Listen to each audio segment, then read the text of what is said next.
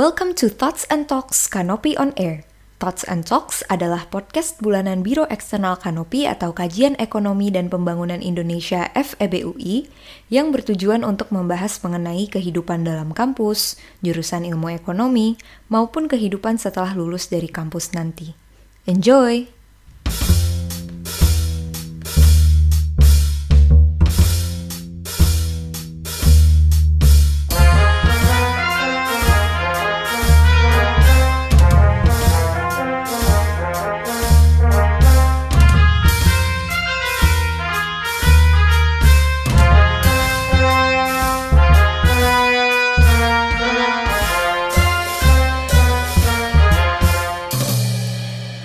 Semuanya, kembali lagi bersama gue, Andra, host Talks and Thoughts Canopy on Air. Episode kali ini akan seru banget untuk didengar, terutama oleh kalian, kakak-kakak, dan teman-teman yang sudah ataupun punya rencana untuk kuliah jauh dari rumah. Tema dari episode kali ini adalah A Home Away from Home, di mana kita akan mengulik cerita di balik kehidupan rantau dua mahasiswi ilmu ekonomi FEB yakni Kak Jennifer Q dan Kak Atira Putri. Halo Kak Jennifer dan Kak Atira. Hai. Hai Kak. Mungkin supaya teman-teman di sini bisa lebih kenal ya Kak, mungkin Kak Jennifer dan Kak Atira boleh nih kenalan dulu sama teman-teman. Oke, okay, thank you Andra. Hai semuanya, kenalin nama gue Jennifer, boleh dipanggil Jenny. Gue jurusan ilmu ekonomi, angkatan 2018. Dan ya berarti sekarang gue ada di final year di Economics UI. Mungkin Kak Atira. Oke, okay. halo Kak Hai. Jen. Hai, kalau Ati Kak Atira gimana Kak? Oke, okay. hai guys, uh, aku Atira, bisa dipanggil Atira, Tir atau Tir ya biasa. Um, aku jurusan ilmu ekonomi juga angkatan 2018 sama kayak Jenny and also final year. Oke, berarti Kak Jen dan Kak Tira dua-duanya udah final year ya Kak, udah di angkatan tua di ilmu ekonomi FEBW ya Kak. Ini yeah. kakak-kakak lagi ada di mana nih Kak? Aku lagi di rumah. Oke, kalau Kak, Kak Jen juga lagi di rumah. Aku Kak. di enggak spas enggak rumah sih sebenarnya. Aku lagi ngekos di Jakarta. Oh, oke. Okay. Berarti Oke, okay. Kak Jen dan Kak Atira ini berarti kan uh, mahasiswi final year ilmu ekonomi FEB UI yang sudah sempat mengalami uh, pengalaman rantau ya Kak. Boleh diceritain nggak tuh Kak, uh, kira-kira uh, kapan sih Kakak mulai pertama kali tinggal jauh dari rumah? Mungkin boleh Kak Atira dulu atau Kak Jennifer dulu juga nggak apa-apa. Oke, okay, boleh.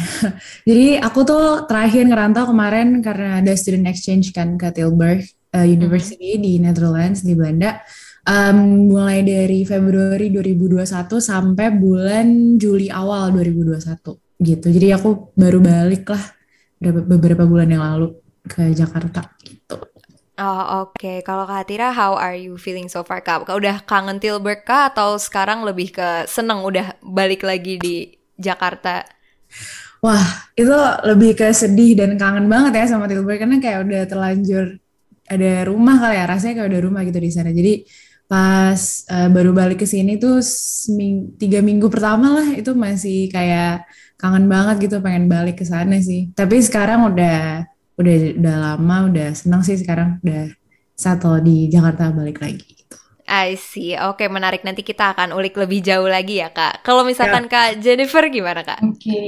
Kalau misalnya dari gue sendiri, sebenarnya dulu pas SMA, gue pernah karantina gitu bukan karantina sakit sih tapi karantina ya ada pelatihan gitu ada satu dua minggu keluar kota buat uh, tinggal sendiri dan belajar gitu. Nah tapi mungkin untuk konteks yang di sini uh, lebih cocok kalau misalnya gue ceritain tentang merantau ketika gue baru pindah. Bukan pindah seru gue baru masuk ke UI sih sebenarnya ke Depok. Karena uh, previously gue berasal dari Batam. Batam itu sebuah kota di Sumatera intinya. Nah, makanya pas gue kuliah ke sini it means gue ngerantau gitu nah jadi berarti udah sekitar karena gue udah final year berarti udah tiga tahunan sih sebenarnya gue nggak tahu dan sekarang juga gue belum balik ke rumah gitu jadi gue masih di ah Oke, okay, berarti Kak Jennifer dan Kak Atira ini akan nyeritain dari point of view yang berbeda ya. Kalau misalkan Kak Jennifer emang asalnya dari Batam dan ngerantau ke UI, dan kalau misalkan Kak Atira itu kemarin sempat uh, ngambil kuliah di Tilburg ya selama beberapa bulan.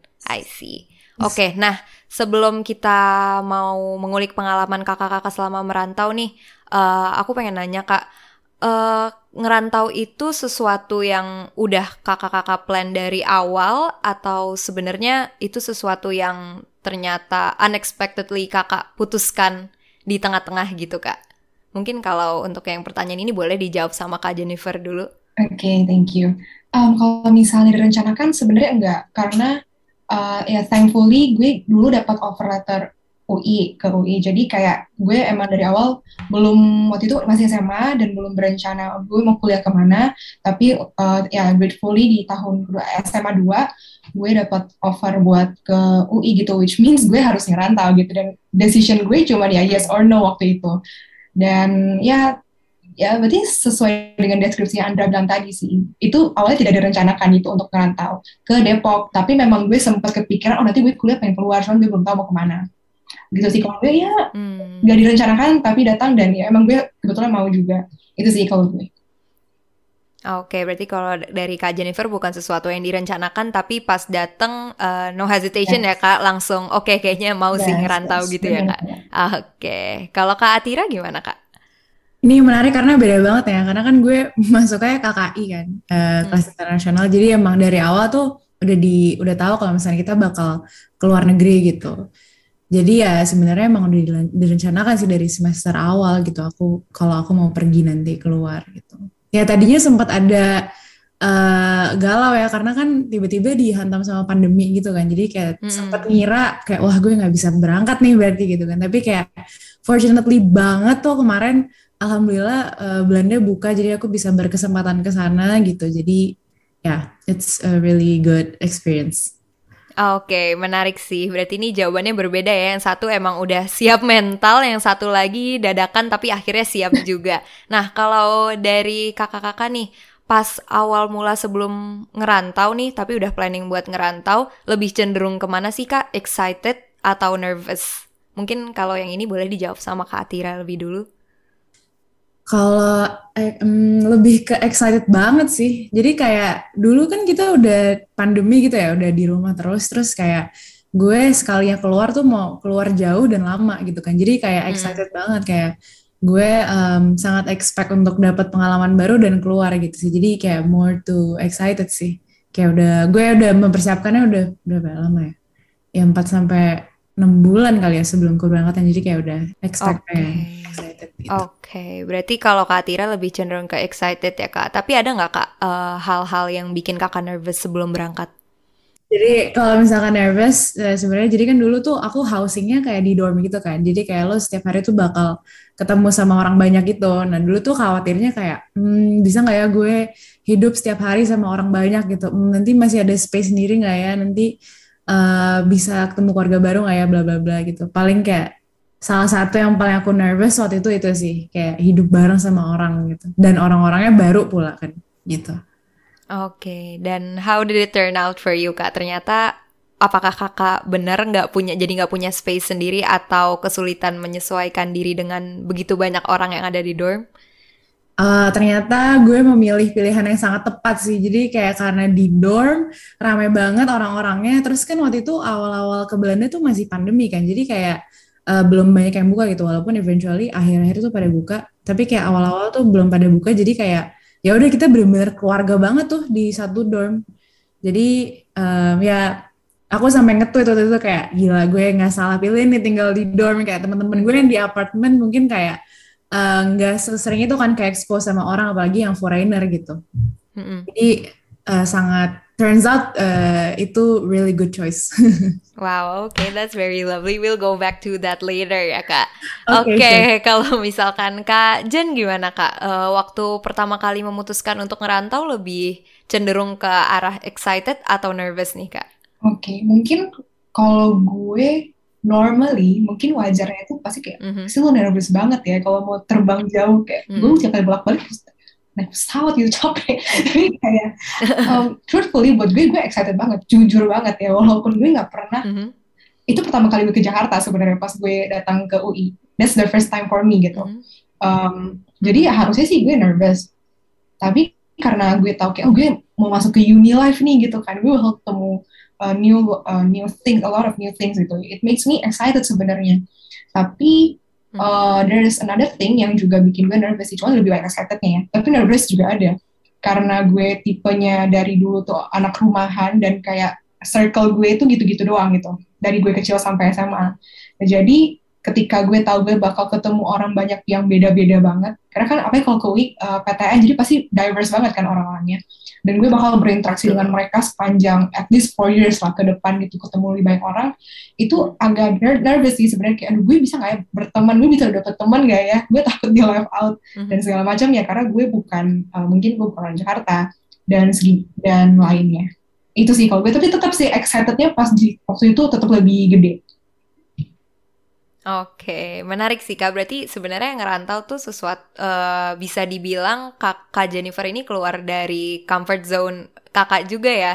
Dan ternyata itu jadi pengalaman yang cukup exciting juga gitu buat kakak. Oh uh, ya, yeah, I guess pas dulu gue SMA gue juga mikir gitu. Kayak, oh gue keluar dari my comfort zone gitu. Tapi ternyata gue udah masuk mm. ke baru awal-awal kuliah.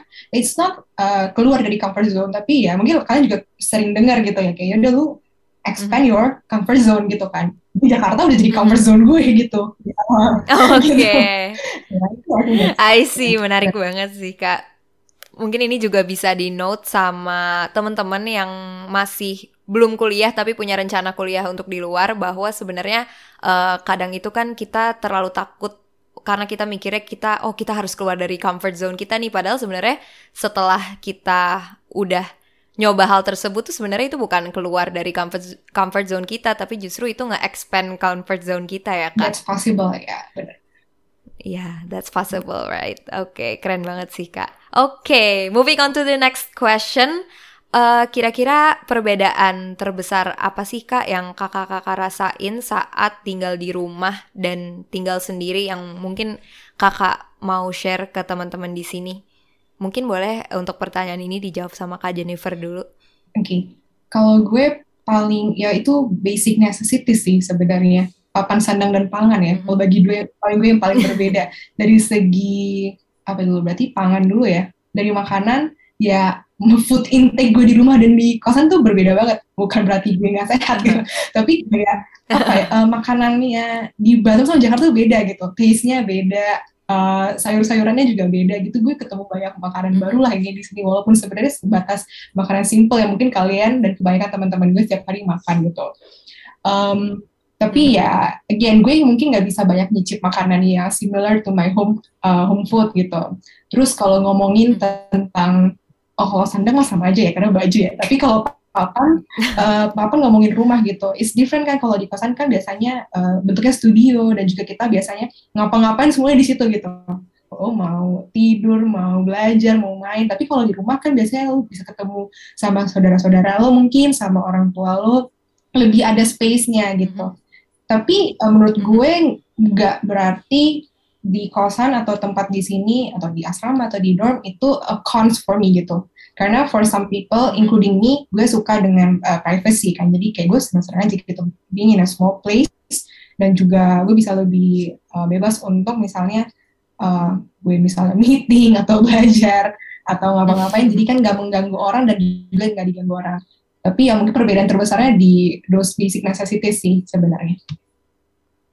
Oke, okay, berarti kalau Kak Jennifer nge-highlightnya ke basic necessities ya. Contohnya tadi nggak bisa mungkin kalau di uh, tinggal ngerantau sendiri di Jakarta nggak bisa ngerasain makanan hometown sendiri dan segala macamnya. Tapi kakak uh, perbedaan yang bisa di highlight juga kakak jadi lebih punya space untuk melakukan kegiatan kakak sendiri ya. Oke okay, kalau misalkan kak Atira uh, kira-kira apa nih kak uh, perbedaan terbesar yang kakak rasakan selama uh, tinggal jauh dari rumah? Hmm, ya kurang lebih sama kayak gini juga kali ya kayak basic necessities kayak makanan tuh udah certainly beda banget lah gitu. Kalau di Jakarta tuh, kalau di Indo lah ya, bumbu-bumbu tuh kan kayak kuat-kuat banget gitu. Kalau di sana mungkin kalau kayak main course itu bumbunya nggak sekuat di sini gitu kan. Mm -hmm. Tapi kayak uh, untung waktu itu nemu kayak Asian market gitu, jadi kayak kita beli bahan-bahan uh, Asia tuh banyak di situ. Dan kebetulan aku tuh satu lantai sama uh, orang Asia juga, ada dua orang Asia dari dari Korea gitu. Jadi kayak mm -hmm. nasi itu masih bisa bareng, jadi mereka udah beli rice cooker gitu-gitu. Mm. Terus apa lagi? Selain makanan, ya sesimpel air lah di sana lo bisa minum langsung dari keran gitu kan itu kayak Mm-mm. sangat enak dan juga udara ya. Gue dulu Jakarta ke UI tuh kayak wah malam-malam pernah tuh pulang dari UI kayak nggak pakai masker ya Allah gue sampai rumah kayak sesek banget. Iya, Allah. Nah, sumpah sumpah itu polusi banget. Jadi di sana tuh ya menyegarkan paru-paru juga lah ya. Mm, Terus mungkin yang ketiga yang paling signifikan rasanya tuh mhm. Gojek sih nggak ada Gojek. Wah jadi Ah, kayak gue tuh ngerasa di Jakarta gue di spoiled banget gitu loh kayak ada yang ketinggalan, gosen gitu, terus beli makanan, ya ada Uber sih, atau kayak naik motor tuh paling gampang gitu kan, naik Mhm. naik Gojek ke mana-mana, aku tuh dulu sering banget naik Gojek gitu. Eh ya itu sih paling. Dan kurs eh, uang ya di sana jauh lebih mahal semuanya karena karena kurs gitu. Jadi itu sih, I think the biggest uh, difference di sana sama di sini. Oke, berarti sebenarnya kurang lebihnya Kak Atira dan Kak Jen ini eh, sama ya perbedaan terbesar yang dirasainnya itu lebih ke basic necessitiesnya. Nah, kalau misalkan sekarang Kak aku tanya, eh, kira-kira Kakak bisa sebutin dan ceritain nggak Kak eh, hal apa yang paling Kakak suka sekaligus yang paling nggak suka atau jadi least favorite Kakak selama Kakak hidup sendiri dan merantau. Mungkin kali ini boleh gantian Kak Atira jawab duluan. Hmm, Jadi kayak favorite and least favorite thing. favorite pas aku merantau ya berarti. Mhm. Hmm, paling suka eh bisa otonomi sendiri kali ya. Jadi kayak nggak nggak sama keluarga gitu. Kayak I can do a lot of decisions on myself gitu loh. Oke. Kalau misalkan eh, least favorite mungkin ya nggak bisa ikut family occasions kali ya. Oke. Jadi eh, apa ya? Jadi kangen lah sama rumah gitu. Oke, berarti sebenarnya uh, favorite dan least favorite-nya uh, tetap berhubungan sama sekeliling kakak. Cuman jadi kalau dilihat di satu sisi, oke, ini seru punya space sendiri dan mau ngapa-ngapain juga keputusannya ada di diri sendiri. Tapi di sisi lain juga kangen ya kak sama keluarga. Iya, kayak just for like special occasion aja sih kayak kalau mereka lagi dinner bareng gitu kayak aku suka FOMO, Nah, FOMO. Iya. Oke, kalau misalkan Kak Jen gimana, Kak? Oh ya, kalau gue sebenarnya yang paling suka pasti sama sih ya, kayak Tira gitu. Oh, gue bisa uh, make my own decision. Tapi itu tricky juga sih sebenarnya kalau nggak bisa make decision dengan bagus, itu masalah juga sebenarnya. Tapi anyway, itu setuju, setuju. Iya. Tapi ya makanya belajar lah gitu kan. Eh, tapi yang paling gue suka sih itu karena gue tinggal sendiri, kayak lu terpaksa in a good way to manage your resource eh, lebih baik lah gitu. Mungkin kalau sebelumnya di rumah gue dapat uang jajan, ini simpel aja, gue dapat uang jajan, gue nggak usah bagi-bagi buat mikirin makanan gue gitu tiap hari. Karena gue tahu gue bakal dapat makanan di rumah, maksudnya kayak dimasakin. Gue tinggal kayak, oh gue mau jajan apa, atau gue tinggal tabung gitu gitu. Tapi kalau sekarang lo terpaksa buat kayak, oh gue harus, gue masih ada 30 hari lagi buat makan gitu. Gue harus mikir dan segala macamnya. Which is good sebenarnya dibikin kita jadi bisa manage our financial uh, resource well. Bukan cuma financial resource, menurut gue dari, dari segi waktu, sama juga dari segi energi gitu. So, Mhm. uh, lebih ke, ternyata gue baru nyadar gitu selama ini setelah gue tinggal sendiri, uh, gue belajar banyak banget hal. And that's uh, the most favorite thing uh, yang bisa gue pilih gitu. Karena kalau gue nggak ngerantau, gue nggak bisa belajar itu semua. Gitu. Eh, tapi tetap sih, ya, yang nomor nomor duanya atau yang sama, yaitu yang tadi gue bisa sendiri, bisa ngapa-ngapain aja gitu. Uh, Mhm. ya tapi tetap tahu batasan aja. Yang my least favorite itu gue selalu bilang ini sih ke, ke semua orang, ibu nggak suka banget kalau gue lagi sakit gitu. Uh, karena Hmm. Gue tau kalau misalnya anak kuliah lu pasti tuh beberapa kali bisa satu semester sekali drop. Dan apalagi dulu pas lagi offline ya, anak FE nih, enggak Hmm. semua anak, anak FE sih, sebenarnya banyak banget. Lu akademis berapa, lu berapa SKS, lu kepanitiaan berapa biji, lu organisasi, meeting sana sini, ujian di FE susah banget lagi. Udah, nanti udah ada keluar, keluar ujian pasti drop tuh biasanya, harus ke klinik, harus ke rumah sakit. Tapi kalau misalnya lagi sakit, nggak ada yang bisa jagain. Um, maksudnya bisa aja sih teman lo jagain, tapi kan lo nggak enakan gitu. Nggak dijagain, mungkin minta tolong agak susah daripada kalau di rumah dirawat atau nggak di ya dijagain sih. Gitu. Oke, menarik banget sih Kak yang di-highlight sama Kak Jen dan Kak Tira. Berarti kita tinggal sendiri dan jauh dari rumah itu uh, walaupun kita punya privilege untuk mengatur dan melakukan apa pun yang uh, bisa melakukan apa pun yang kita mau itu tetap jadi tanggung jawabnya tuh balik lagi ke kita dan itu bisa menimbulkan apa ya suatu problem kalau kitanya justru nggak pinter-pinter manage waktu dan manage diri sendiri gitu ya kak.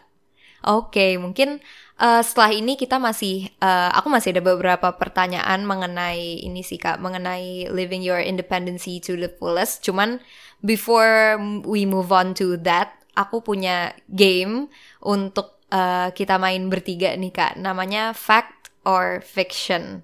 Jadi nanti uh, kurang lebihnya sih sistemnya uh, aku bakal nyebutin satu statement dan nanti Kak Atira dan Kak Jen uh, bisa jawab di waktu yang bersamaan setelah aku hitung sampai tiga. Statement itu menurut kakak fact atau fiction gitu. Kira-kira kebayang nggak kak? Jadi jadi misal uh, pertanyaannya uh, uh, misal doang pertanyaannya tidur begadang bikin ngantuk di pagi hari terus nanti menurut kakak fact atau fiction nanti aku hitung ketiga kayak tiga dua satu terus nanti kakak kayak fact atau fiction gitu kak kebayang nggak kak? Itu fiction sih buat gue. Kayak lu mau tidur jam berapa ngantuk deh tiap pagi. Tapi, ngerti, tapi paham kok Andra. Oke oke sip sip. Gue kira ya? fiction karena lo pagi-pagi nggak ngantuk jadi. Oke siap ya kak. Siap. Oke, mungkin ini uh, nanti statementnya berkaitan sama tinggal sendiri dan merantau. Oke, statement yang pertama. Cucian menggunung. Tiga, dua, satu. Fact. Sama ya, fact. Sama ya, fact.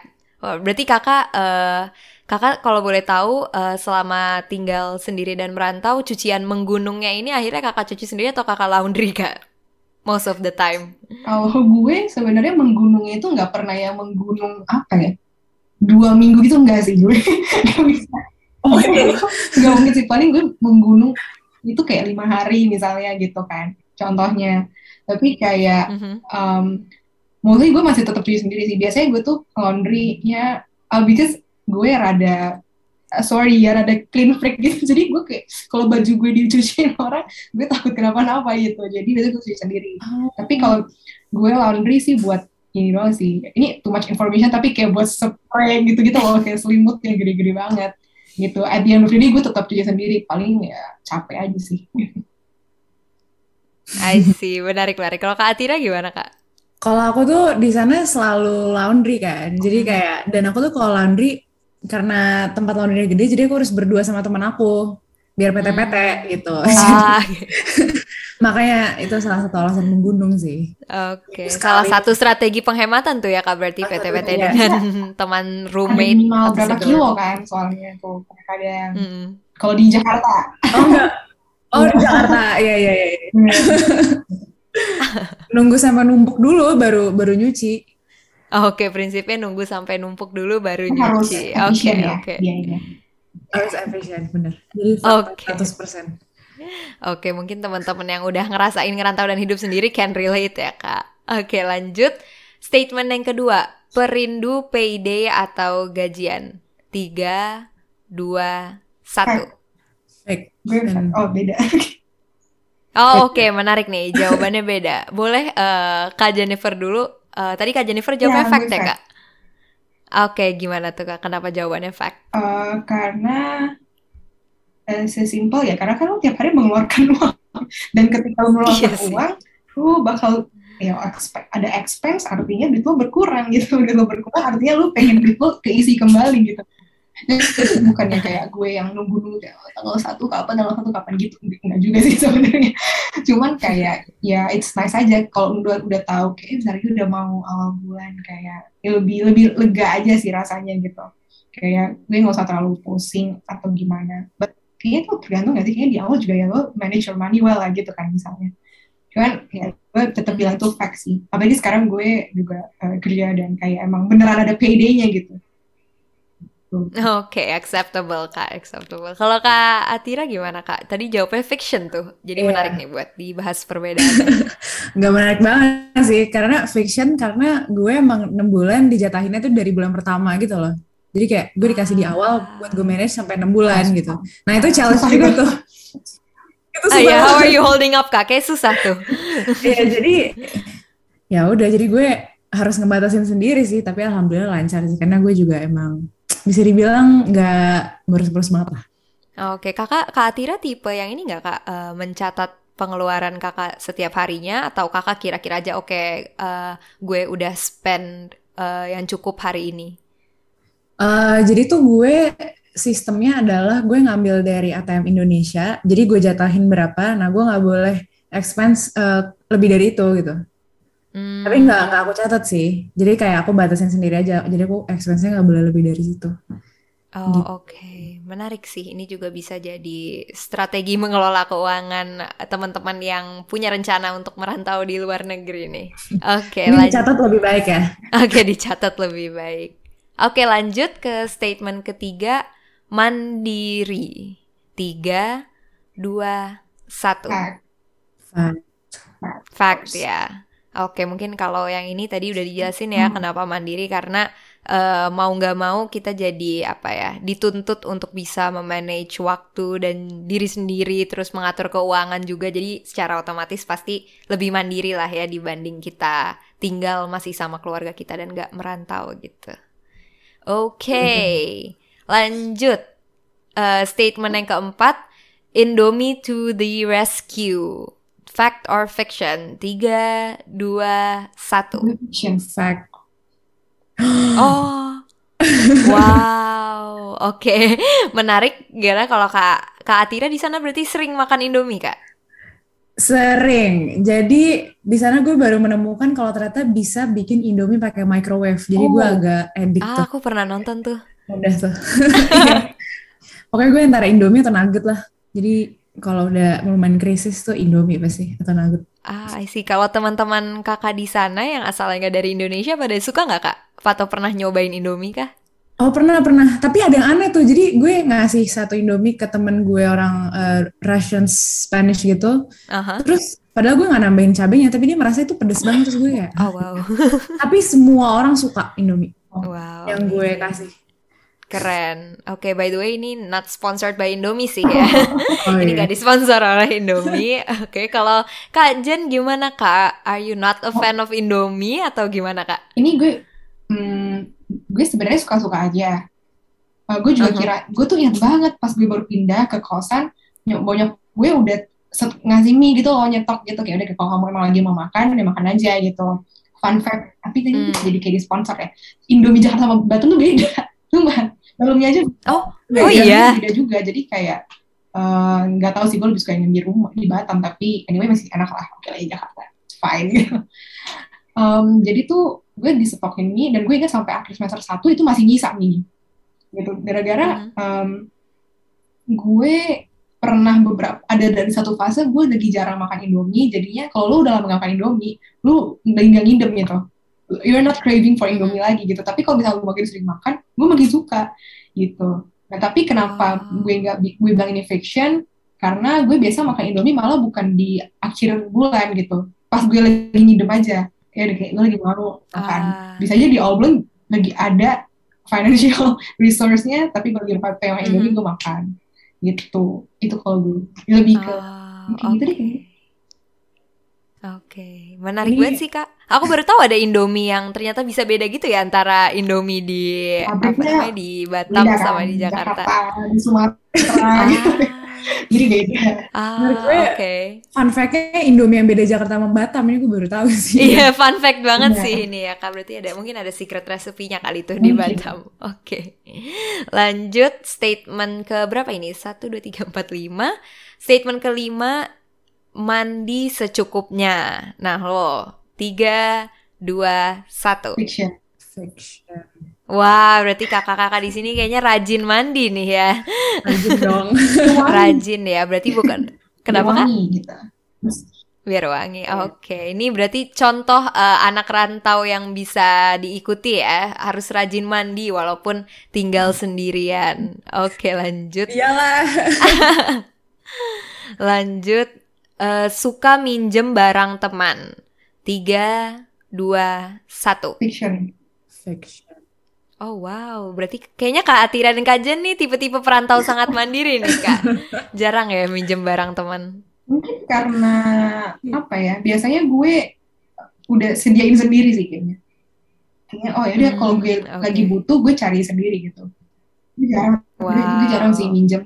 Karena juga di kosan, maksudnya di kosan gue nggak banyak teman gitu loh. Kayak gue gak enak juga ke tetangga kayak ketok-ketok.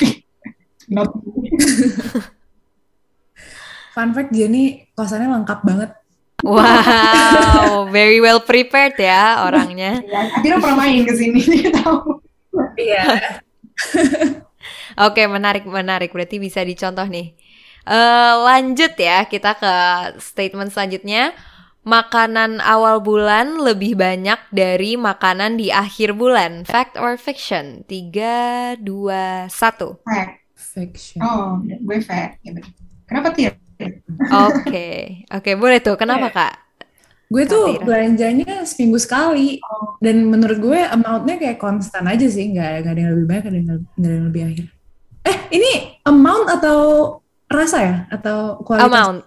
Oh, Amount. amount. Iya, iya, iya. Yes. Sama sih. Nggak, nggak, nggak berubah. Sama Oh, nggak berubah. Mungkin soalnya beberapa kan ada tipe eh, anak rantau yang mereka tuh kalau di awal bulan makannya tuh lebih mungkin lebih banyak, lebih fancy. Sementara kalau di akhir bulan tuh lebih ngirit-ngirit gitu, Kak. Kalau Kak Jen, apakah Kakak termasuk dari orang-orang yang seperti itu, Kak? Truthfully, pas gue masih ngekos di Depok tuh iya. Pas masih kuliah. Karena kan gue Oke. cuma rely on uang jajan yang dari orang tua kan. Kalau misalnya pas lagi. Itu dari semester 1 sampai sebelum COVID deh, sampai tahun lalu. Itu biasanya Mhm. biasa lah sama teman-teman gitu kan kalau misalnya di awal bulan kayak oh gue masih bisa nih ke mall misalnya have a, a fancy dinner lah or something like that fancy lunch gitu Mhm. kan tapi kalau misalnya di akhir-akhir ya udah sudah sama-sama paham sih kayak ya udahlah ya kita awal next month aja ngikutin um, masing-masing anak gimana tapi kalau sekarang gue karena gue udah pindah kosan juga dan my source of money udah berbeda juga uh, kayak Mhm. kan I earn by myself jadi mungkin gue lebih ke kayak Atira deh kalau sekarang ya gitu. Nggak ada yang mana lebih baik mana lebih dikit sih gitu. Tapi kalau dulu iya pas pas Oke. pas dulu bener sekitar dua tahunan kayak gitu. Oke oke. Menarik banget sih kak dari game ini. Aku juga jadi apa ya dapat lebih banyak gambaran gitu. Gimana sih kehidupan anak rantau dan daily life-nya tuh seperti apa? Karena kan aku belum ada kesempatan merasakan experience itu ya kak apalagi masih online juga dan mungkin itu jadi pertanyaan dari terakhir dari mini games kita sih kak untuk eh, selanjutnya aku mau ngelanjutin conversation kita yang tadi eh, belum dilanjutin nih kak tentang living your independency to the fullest. Kira-kira eh, em, eh, gini kak, Eh, kakak kan eh, sebelum merantau udah excited nih pastinya dan juga udah nyiapin mental. Tapi kan namanya kita masuk ke lingkungan baru, eh, pasti ada berbagai adaptasi yang harus di harus kita lakukan gitu. Nah, menurut kakak-kakak penyesuaian apa sih yang menurut kakak paling sulit untuk dilakukan? Mungkin boleh Kak Jen dulu jawab pertanyaan yang Hmm. ini. Eh, hal apa yang dilakukan ya untuk beradaptasi, beradaptasi dengan Mhm. lingkungan baru um, for me it's having an open and growth mindset tapi tetap uh, stay true atau stay firm to the values yang kita punya. Gitu sih. Itu mm, karena gimana ya kalau oh, kan kesannya kayak oh kalau lo mau beradaptasi berarti lo harus terbuka gitu kan biar lo bisa ya menghadapi perubahan tersebut. Kalau lo terlalu tertutup ya gimana gitu mau menghadapi perubahan kan harus dilewatin. Tapi at the same time menurut gue terbuka doang tuh uh, bukan cukup sih tapi malah mm, lebih ke jangan terbuka doang gitu. Terbuka Mhm. tapi lu tetap punya growth mindset di mana apa yang lu lihat apa ya what you observe ya lu pelajarin dulu kayak what's the good thing you can take from it dan juga kayak as for me implicationnya bisa apa sih gitu misalnya. Tapi jangan lupa you have to stay firm to the values yang lu udah punya. Misalnya emang dari rumah diajarin uh, certain things gitu jangan dilanggar atau gimana. Um, ya? Stay firm to that gitu. Atau mungkin your values itu ya udah be kind to other people gitu itu tetap dipegang aja jangan asal uh, kayak karet gitu aja fleksibel nggak apa-apa tapi um, in order to adapt well just remember uh, the boundaries gitu penyesuaian gue yang paling susah sebenarnya di time sama energy management sih karena kalau kalau lagi di rumah Mhm. lu nggak perlu siap-siap lu nggak perlu misalnya masak lu nggak perlu um, lu cuma fokus udah belajar aja dan main gitu tapi kalau misalnya Mhm. ketika lo tinggal sendiri lo harus nge-manage uh, waktu lo dengan baik kayak kapan ya gue ke laundry, kapan gue nyuci, kapan gue masak, nyiapin ini itu beres-beres kamar. Tapi juga gue harus ngurusin kuliah gue misalnya atau dan hal lain-lainnya. Jadi itu time and energy management is something uh, yang challenging for me throughout my experience ketika lagi ngerantau. Oke, okay, ini very interesting point sih kak. Berarti uh, salah satu penyesuaian dilakukan dan tipsnya untuk bisa beradaptasi itu having an open and growth mindset. Tapi open itu bukan berarti kita terbuka oleh uh, semua hal baru yang terjadi di kita, tapi penting juga untuk kita tetap mempertahankan value yang emang udah diajarin uh, di rumah ya kak. Tadi Kak Jen juga sempat nge-highlight tentang time and energy management juga. Oke, okay. kalau misalkan Kak Atira gimana Kak? Uh, kira-kira Kakak cara beradaptasinya mirip dengan Kak Jen kah atau ada uh, hal lain yang berbeda dari Kak Jen? Hmm, kalau aku kurang lebih sama juga sih, karena kan mungkin kalau misalkan kita tahu kayak lifestyle di Indonesia sama di Belanda gitu, ya, specifically kayak beda banget gitu. You literally lo bisa melakukan uh, hal-hal yang nggak bisa lo lakuin di sini gitu. Dan menurut gue value yang Jennifer bilang tadi itu menurut gue penting banget dan diuji banget tuh di sana. Mm-hmm. karena kayak lo bisa melakukan apa pun that's a good thing. Tapi kalau misalkan lo nggak bisa bertanggung jawab atau nggak punya prinsip atau nggak punya value eh, lo jadi terombang ambing juga gitu. Mm-hmm. jadi for me yes uh, open and growth mindset itu aku setuju. And then also to listen and observe kayak your surroundings gitu. Kayak lo harus peka kayak mereka culture-nya tuh gimana sih? Mereka biasa kayak gini kayak gini kayak gini gitu dan um, ya tetap uh, punya value dan prinsip gitu sih dan juga another thing mungkin awal-awal kayak bahasa Inggris kan my second language gitu dan sebenarnya di sana kita harus menggunakan bahasa Inggris sehari-hari gitu kan. Mm. Nah uh, itu mungkin di awal-awal kayak uh, ya lumayan uh, one of the challenges gitu kan. Tapi kayak mm. seiring berjalannya waktu ternyata uh, itu adalah kesempatan yang oke okay banget sih buat aku karena jadi apa ya lebih lebih berani gitu sih untuk untuk having a conversation in English dan terutama juga kayak karena aku tinggal di dorm yang isinya orang-orangnya juga English itu second language mereka kan. Jadi mm-hmm. kayak kita sama-sama saling belajar gitu.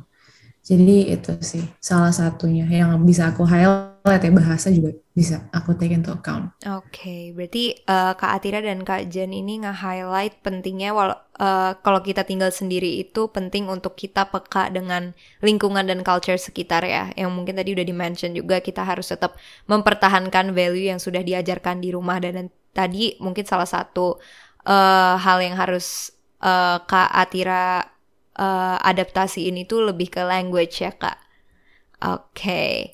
Uh, nah, selain dari diri kakak sendiri nih, kayak tadi udah di-mention having an open and also growth mindset. Kira-kira faktor lain apa aja sih kak yang membantu meringankan kakak selama beradaptasi dan juga merantau? Mungkin untuk pertanyaan ini boleh dijawab oleh Kak Atira terlebih dahulu.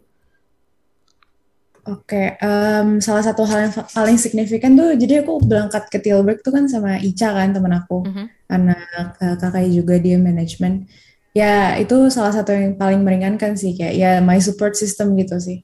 Ada Ica dan um, fortunately juga teman-teman aku satu lantai dan di yang lain juga di dorm mereka jadi support system. Jadi kayak um, ada masalah apa kita bisa curhat satu sama lain gitu dan dulu juga pas sama Ica tuh ternyata banyak hal-hal unexpected yang terjadi gitu pas kita lagi ngerantau kayak hmm. dia putus lah sama cowoknya gitu kan kayak gue aja di Jakarta putus tuh kayak wah berat banget gitu kan. Hmm. ini udah lagi ngerantau. Uh, terus kita harus um, saling support satu sama lain berdua gitu. Sampai akhirnya waktu itu jadi tuh kita kalau misalkan ada uh, sesuatu atau lagi butuh satu sama lain tuh kita suka nginep di kamar satu sama lain gitu. Jadi waktu itu si Ica nginep di kamar aku sampai gotong kasur gitu selama berapa ya? Seminggu deh kalau nggak salah gitu.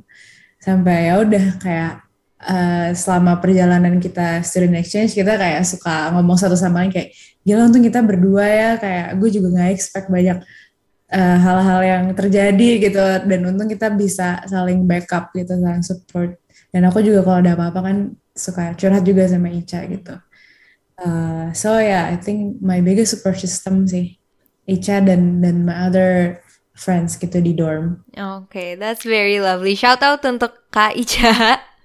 Wherever she is right now, shout out untuk Aisha.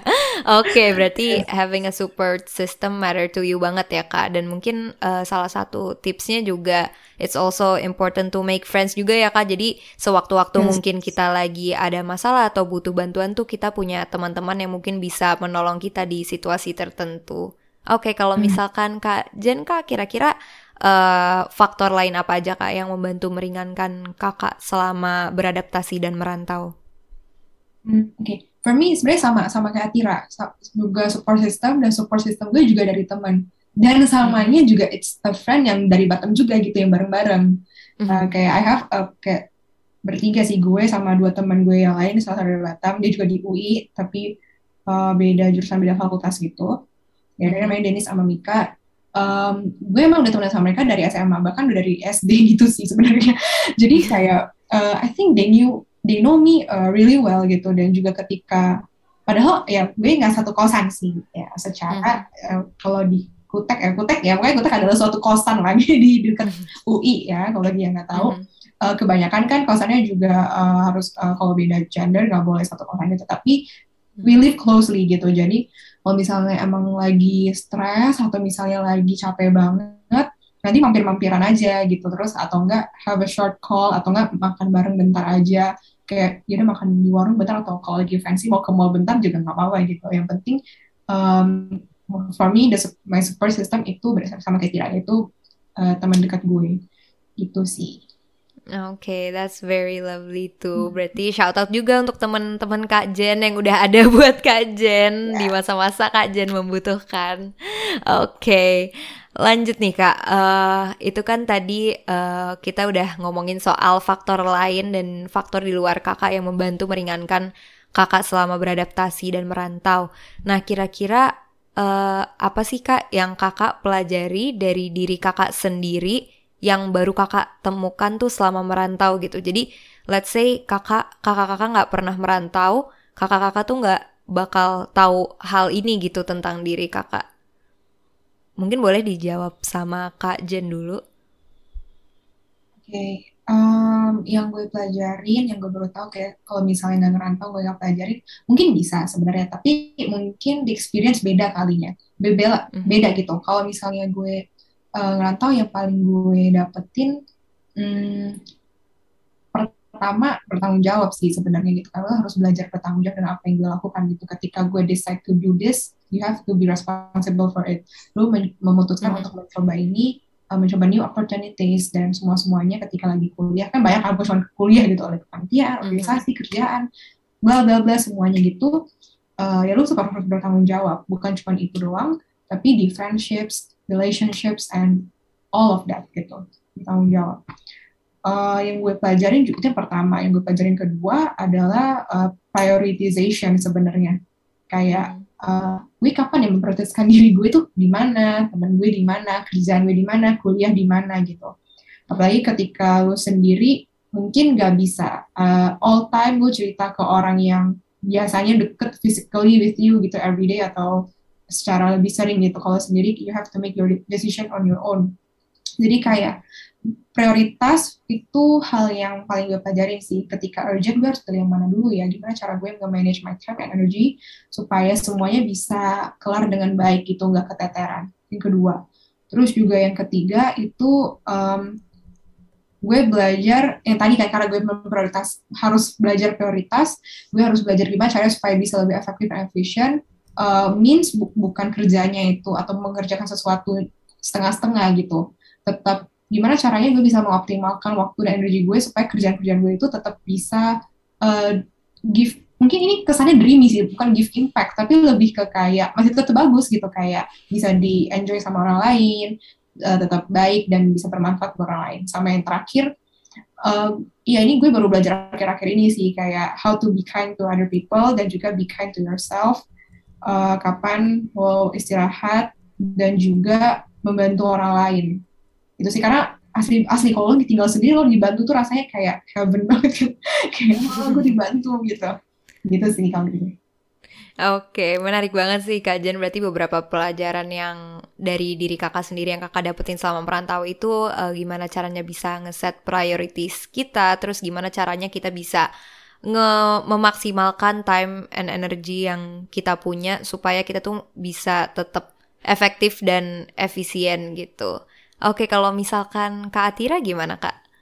Um, mungkin tadi aku udah sempat mention juga sih kayak dulu kan aku nervous kayak aku bisa gak sih tinggal bareng sama orang berinteraksi setiap hari gitu dan ternyata uh, setelah aku ngerantau kayak I just realized that ternyata uh, aku tuh dapat sparks di hidup ya mungkin agak jauh ya cuma kayak aku dapat sparks di mm-hmm. hidup tuh dari uh, exchanging ideas terus kayak getting to know other people dan especially kan aku di lingkungan baru banget gitu jadi kayak orang-orangnya tuh ya dari perspektif yang fresh banget ya mungkin dulu sebelumnya aku nggak pernah temuin gitu kan dan itu ternyata hmm. it gives me a very uh, huge sparks gitu for me dan juga uh, mungkin sama kayak gini juga tadi kayak I just realize um, gue jadi harus lebih bisa set the boundaries between uh, gue memikirkan hal yang harus gue kerjakan sama uh, kapan gue harus rest gitu. Karena kadang gue kalau misalkan rest itu sebenarnya nggak literally rest gitu. Kayak sebenarnya gue diem tapi gue sempat gue tetap mikirin hal-hal apa pun yang gue lakukan. Jadi kayak I should set that boundaries gitu. Also another thing adalah gue realize kalau ternyata gue butuh space sendiri gitu. Jadi dulu tuh gue dari kecil selama 20 tahun ini tuh gue tinggal di kamar tuh berdua sama kakak kan. Terus setelah hmm. gue cabut ke keluar gue pertama kalinya tuh gue punya kamar sendiri selama itu. Dan gue baru nyadar gitu oh my god ternyata beda banget gitu rasanya. Kayak mempunyai satu ruangan space sendiri yang lo bisa uh, sesimpel lo dekor sendiri lah lo bisa tahu semua barang-barang yang uh, bolpen lo taruh di mana lo inget gitu loh. Kalau di rumah kan lo ada berkoersi dengan anggota keluarga lain lah gitu-gitu kan. Terus kayak mm-hmm. ya udah gue sadar itu kalau gue ternyata I need that kind of space gitu sampai akhirnya gue balik ke Jakarta akhirnya kayak ah kayak aku butuh kamar sendiri deh gitu. akhirnya gue berpisah dan uh, gitu sih I think that's oke okay. Oke, okay, menarik banget sih kak. Berarti uh, salah satu beberapa pelajaran yang kakak temuin sama merantau itu, kakak juga belajar exchanging ideas with others, terus just basically getting to know other people gitu ya. Terus kakak juga nge-experience all those cute little things kayak creating your own space and stuff. Oke okay, kak. gue relate sih. Karena gue okay. juga kayak Tira. Gue dari kecil mm -hmm. sampai sebelum ngerantau gue tidur sama adik-adik gue itu pasti mm. selalu. Gue kayak relate. sama Ivon halo Ivon kebetulan adiknya Kak Jen teman aku. Oh Ivon iya Oke lanjut kan. Tapi kayak di umur-umur kita segini tuh kayak sadar kalau misalkan butuh ruangan sendiri gak sih? Emang butuh ya, sih kan? menurut gue ruangan sendiri, uh, your own space gitu kan. Lo butuh comfort, comfort lah, comfort space. Yang lo merasa aman. Iya, iya, iya. Explore di ruang sendiri. Setuju, setuju. I see, I see mungkin uh, kalau aku ngerantau pun mungkin aku kurang bisa relate dengan poin itu karena kebetulan aku aku punya space sendiri sih kak di rumah. Jadi tapi aku oh, bisa kebayang banget pentingnya uh, pentingnya apa ya atau kayak rasa senangnya bisa punya space sendiri dan bisa nge-manage semua barang-barang yang ada di kamar sendiri gitu. Mm -hmm. Oke, okay, uh, Kak Atira dan dan Kak Jan kan tadi sempat mention ya uh, pelajaran yang sama dari kakak-kakak yang kakak-kakak dapetin itu uh, tentang time management gitu. Gimana caranya bisa ngeset prioritas kita, apa yang harus kita lakuin dan supaya uh, waktu dan energi kita itu efisien dan bisa menghasilkan output yang juga maksimal gitu. Nah, mungkin ini juga sebagai closing question Kak. Kakak-kakak ada tips and tricks nggak sih gimana caranya kita bisa melakukan time management yang baik itu bagi mereka yang sedang merantau atau mungkin ingin merantau kayak mungkin gimana caranya bisa ngebagi antara segala segala yang perlu kita prioritaskan atau mungkin gimana caranya kita balance bisa ngebalancein antara academic and also social life gitu. Oke, okay, mungkin uh, Kak Jen mau jawab duluan Kak? Oke, okay, sure. Um, okay.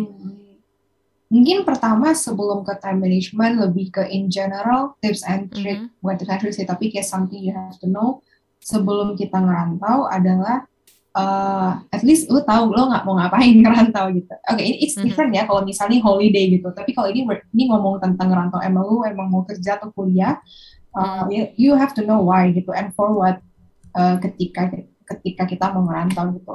Karena menurut gue uh, exploring being adventurous is nice, tapi itu beda halnya dengan gak punya tujuan sih menurut gue itu nggak punya tujuan tapi it's fine gitu tujuannya spesifik bisa dicari di tengah jalan gitu sebenarnya kalau mau cari destinasi gitu tapi at least lah di awal kalau tahu oh gue tahu karena gue mau kuliah at least gue mau belajar hal baru ya seperti itu dan gue mau manage myself well Nah, berarti kan ngomongin tentang merantau, manage uh, self management, berarti ya pasti deket-deketnya sama time management yang tadi Andra udah sebut gitu. Um, mm-hmm. Gimana caranya sih? Buat gue yang pertama pasti lo harus prepare dulu gitu, cari tahu dulu emang apa yang harus lo waktu apa yang harus lo manage gitu. Apanya dulu kan harus diketahui, harus diketahui. Setelah mengetahui apanya, caranya gimana gitu kan. Nah, caranya ini bisa lo cari tahu melalui nanya-nanya ke orang-orang sebelumnya yang pernah um, merantau juga mungkin nih contohnya kalau Atira mau exchange dia bisa nanya ke kating-kating lo lah gitu kan ke mana gimana caranya what should I prepare and stuff gitu ngomongin tentang time management gimana sih di sana sibuknya atau kalau gue lagi mau kuliah itu uh, work out work, working working hour tapi kayak uh, jam yang harus gue spend seperti apa gitu um, and you have to know that time management itu bukan kayak magic yang kayak oh harus bisa time management satu bulan merantau langsung bisa besoknya mengatur waktu dengan baik gitu. It's something you have to learn dan juga uh, di experience hari per hari. Tapi kalau lu nggak punya growth mindset atau at least lu nggak mau berkembang ya lu nggak ya nggak bisa juga gitu lo belajar untuk memanage waktu. Kalau tiap hari decision kita kayak udahlah gue ngikut alir, gue ngikut aja, aja gue nggak mau nge-schedule things, gue nggak mau um, um, ya gue gak mau ngurus diri sendiri ya nggak lama-lama ya nggak bisa juga kan management so having a growth mindset is good for us untuk mengembangkan diri kita supaya ya di tengah-tengahnya itu pasti kita sambilan atau paralel dengan memanage waktu kita gimana gitu dan selalu uh, equip ourselves sih mungkin menurut kita kita paling ngerti diri kita sendiri gitu tapi ketika gue terekspos dengan lebih banyak orang yang lebih dewasa mereka lebih ngerti mereka jam terbang lebih banyak gue bisa belajar lebih banyak hal gitu sesimpel gue hmm. make new friends gitu Oke, okay, very nice point sih Kak Jen. Kayak berarti uh, kalau misalkan aku bisa highlight dari yang udah kakak sebutin tadi, preparation is very important ya Kak. Mungkin uh, bahkan sekedar nanya-nanya ke kakak tingkat ataupun orang-orang yang udah punya experience yang sama itu bisa menjadi catatan dan bisa berguna untuk kita selama merantau ya kak. Dan tadi kalau misalkan bisa aku highlight juga time management is something you have to learn and experience. Tapi itu nggak akan datang kalau misalkan emang kitanya nggak ada keinginan gitu. Oke, okay. kalau misalkan kak Atira kak? Oke, okay, uh, eh, mungkin aku juga mau tips and trick in general buat orang-orang yang mau um, merantau ke luar negeri kali ya. Kayak mm -hmm. most importantly ya pasti research sih soal kayak uh, lifestyle di sana kayak gimana dan kayak sesimpel transportasi atau expense per bulan tuh berapa segala macam gitu dan juga mungkin ya uh, karena kita ada waktu lebih buat berkunjung ke tempat-tempat gitu jadi kayak kalian bisa research tempat-tempat yang bisa kalian kunjungin gitu jadi kayak udah udah kepengen lah kalau misalkan aku kan enam bulan doang tuh jadi kayak uh, with that given time gitu kalian udah tahu mau, mau ngapain aja gitu karena kemarin for example ternyata aku sampai sana baru tahu kalau misalkan kita harus punya uh, kartu yang untuk bisa dipakai ke transportasi uh, masalah di sana gitu-gitu. Nah itu it would be better kalau misalkan udah tahu semuanya uh, dari dari sebelum berangkat gitu dan kata Jenny juga oke okay banget. Uh, yang paling pasti itu tanya ke orang-orang yang udah pernah ke sana gitu kayak. Mm-hmm. And also uh, memprioritasi hal sih di sana. Jadi kayak kalau buat aku sih salah satu hal yang penting adalah beware of your capacity gitu sih kayak are you willing to commit to this or not gitu jadi um, nggak jadi yes man gitu ya jadi um, mm-hmm. beware of your of your capacity karena kan mungkin di sana juga banyak ada tawaran-tawaran ikut apa segala macam jadi um, make sure that you can commit to that gitu terus ya also keep yourself on track juga sih gitu kemarin aku juga masih ongoing ya sampai sekarang aku juga masih belajar sih kayak uh, journaling, uh, writing down kayak teks buat sehari dan scheduling and stuff gitu kayak that's really important sih. Dan aku salah satu belajar dari Belanda juga mungkin yang aku lihat mereka lumayan work life balance lah ya, ya meskipun itu terdengar fiksi ya. Tapi for what I can see gitu, jadi mereka tuh emang ya yang aku rasa sih relatif lebih susah dari dari di sini gitu ya. Tapi mereka misalkan weekdays itu mereka uh, benar-benar full belajar uh, akademis dan mungkin kerja juga. Tapi in the weekend atau mereka tuh mungkin start dari Friday gitu. Mereka bisa uh, have fun dan sama teman-teman yang dan bener-bener have fun gitu nggak setengah-setengah. Dan menurut aku itu recharging their energy terus ya udah Senin balik lagi gitu ke, ke, ke kerja seperti biasa gitu. Nah itu salah satu yang aku uh, pelajarin juga ya dan ya yeah, also most importantly to be more receptive to your surroundings lah ya. Jadi kayak uh, selain reseptif kayak kalian fully uh, conscious um, sama your other uh, people gitu dan kalian juga bisa belajar banyak gitu dari orang-orang di sana gitu. Banyak banyak apa ya insights yang bisa diambil gitu sih. Oke, okay, very interesting points juga Kak Tira. Berarti kalau misalkan tadi bisa aku highlight, uh, penting ya untuk kita bisa aware sama capacity kita dan kita juga harus keep ourselves on track. Dan selain itu be receptive to our surroundings juga ya. Dan conscious kayak tadi kakak juga sempet uh, mention tentang uh, soal kartu transportasi yang sebenarnya udah harus uh, mungkin yang would be better kalau misalkan kita udah tahu itu dari awal. Jadi dan ini sebenarnya mirip juga sama jawaban Kak Jen sih, di mana uh, kita tuh sebelum merantau, kita harus tahu kita mau ngapain with a given time gitu. Karena tadi kalau misalkan bisa aku highlight dari Kak Jen juga, being adventurous is nice, tapi uh, being adventurous kan beda dengan nggak punya tujuan ya Kak. Jadi kita at least harus tahu uh, kita mau ngapain saat ngerantau dan tadi Kak Atira juga sempat mention kalau misalkan sebelum kita berangkat tuh akan jauh lebih baik atau mungkin wajib ya kita research dulu seperti ma untuk masalah-masalah seperti transportasi, expense and also places. Oke, okay. sebenarnya mungkin uh, tips and trick tadi bisa sekaligus nge-recap conversation kita hari ini. Aku mau ngucapin makasih banyak untuk Kak Atira dan juga Kak Jennifer karena udah mau nyempetin waktunya untuk ngobrol-ngobrol bareng aku hari ini. Aku dapat banyak banget insights baru tentang kehidupan ngerantau dan apa aja yang harus disiapin kalau misalkan suatu hari nanti aku emang punya keinginan ke arah sana dan hopefully teman-teman di rumah yang punya rencana juga bisa lebih dapat gambaran dan lebih tahu apa yang harus di mereka siapin dan mungkin teman-teman yang ngerantau yang saat ini dengerin juga bisa banyak take notes dari kakak-kakak. Ya, yeah, bener banget. Thank you banget Andra dan juga Akira. I think it was a very relaxing uh, conversation sih. Gak yang kayak wow gue mikir banget gitu misalnya. kayak tapi ya yeah, it's nice uh, exchange kayak Akira bilang ya exchanging ideas dan juga kasih tahu past experience dan juga thank you for Kanopi yang udah ngajak kita buat jadi for the podcast. Iya. yeah. Yay. Thank you Andra, thank you Jenny juga. Gue setuju banget sih kayak I really love the conversation karena kayak bring back memories dan stuff juga. Dan semoga oh, ya ada yang bisa diambil ya. our conversation. Banyak sih kak. So happy Oke, okay, thank you. Aku juga seneng banget karena ngobrol sama kajian Kak Atira ini seru banget. Bahkan nggak berasa ya, waktunya juga cukup lama kita udah ngobrol-ngobrol. Dan semoga di lain waktu kita ada kesempatan lagi ya, untuk bisa ngobrol lebih banyak ya Kak. Oke, oke okay. then kalau begitu mungkin untuk episode kali ini kita sampai sini aja. Dan Kak Atira, Kak Jen sekali lagi thank you so much and stay safe and healthy stay ya Kak. Bye bye. Bye bye.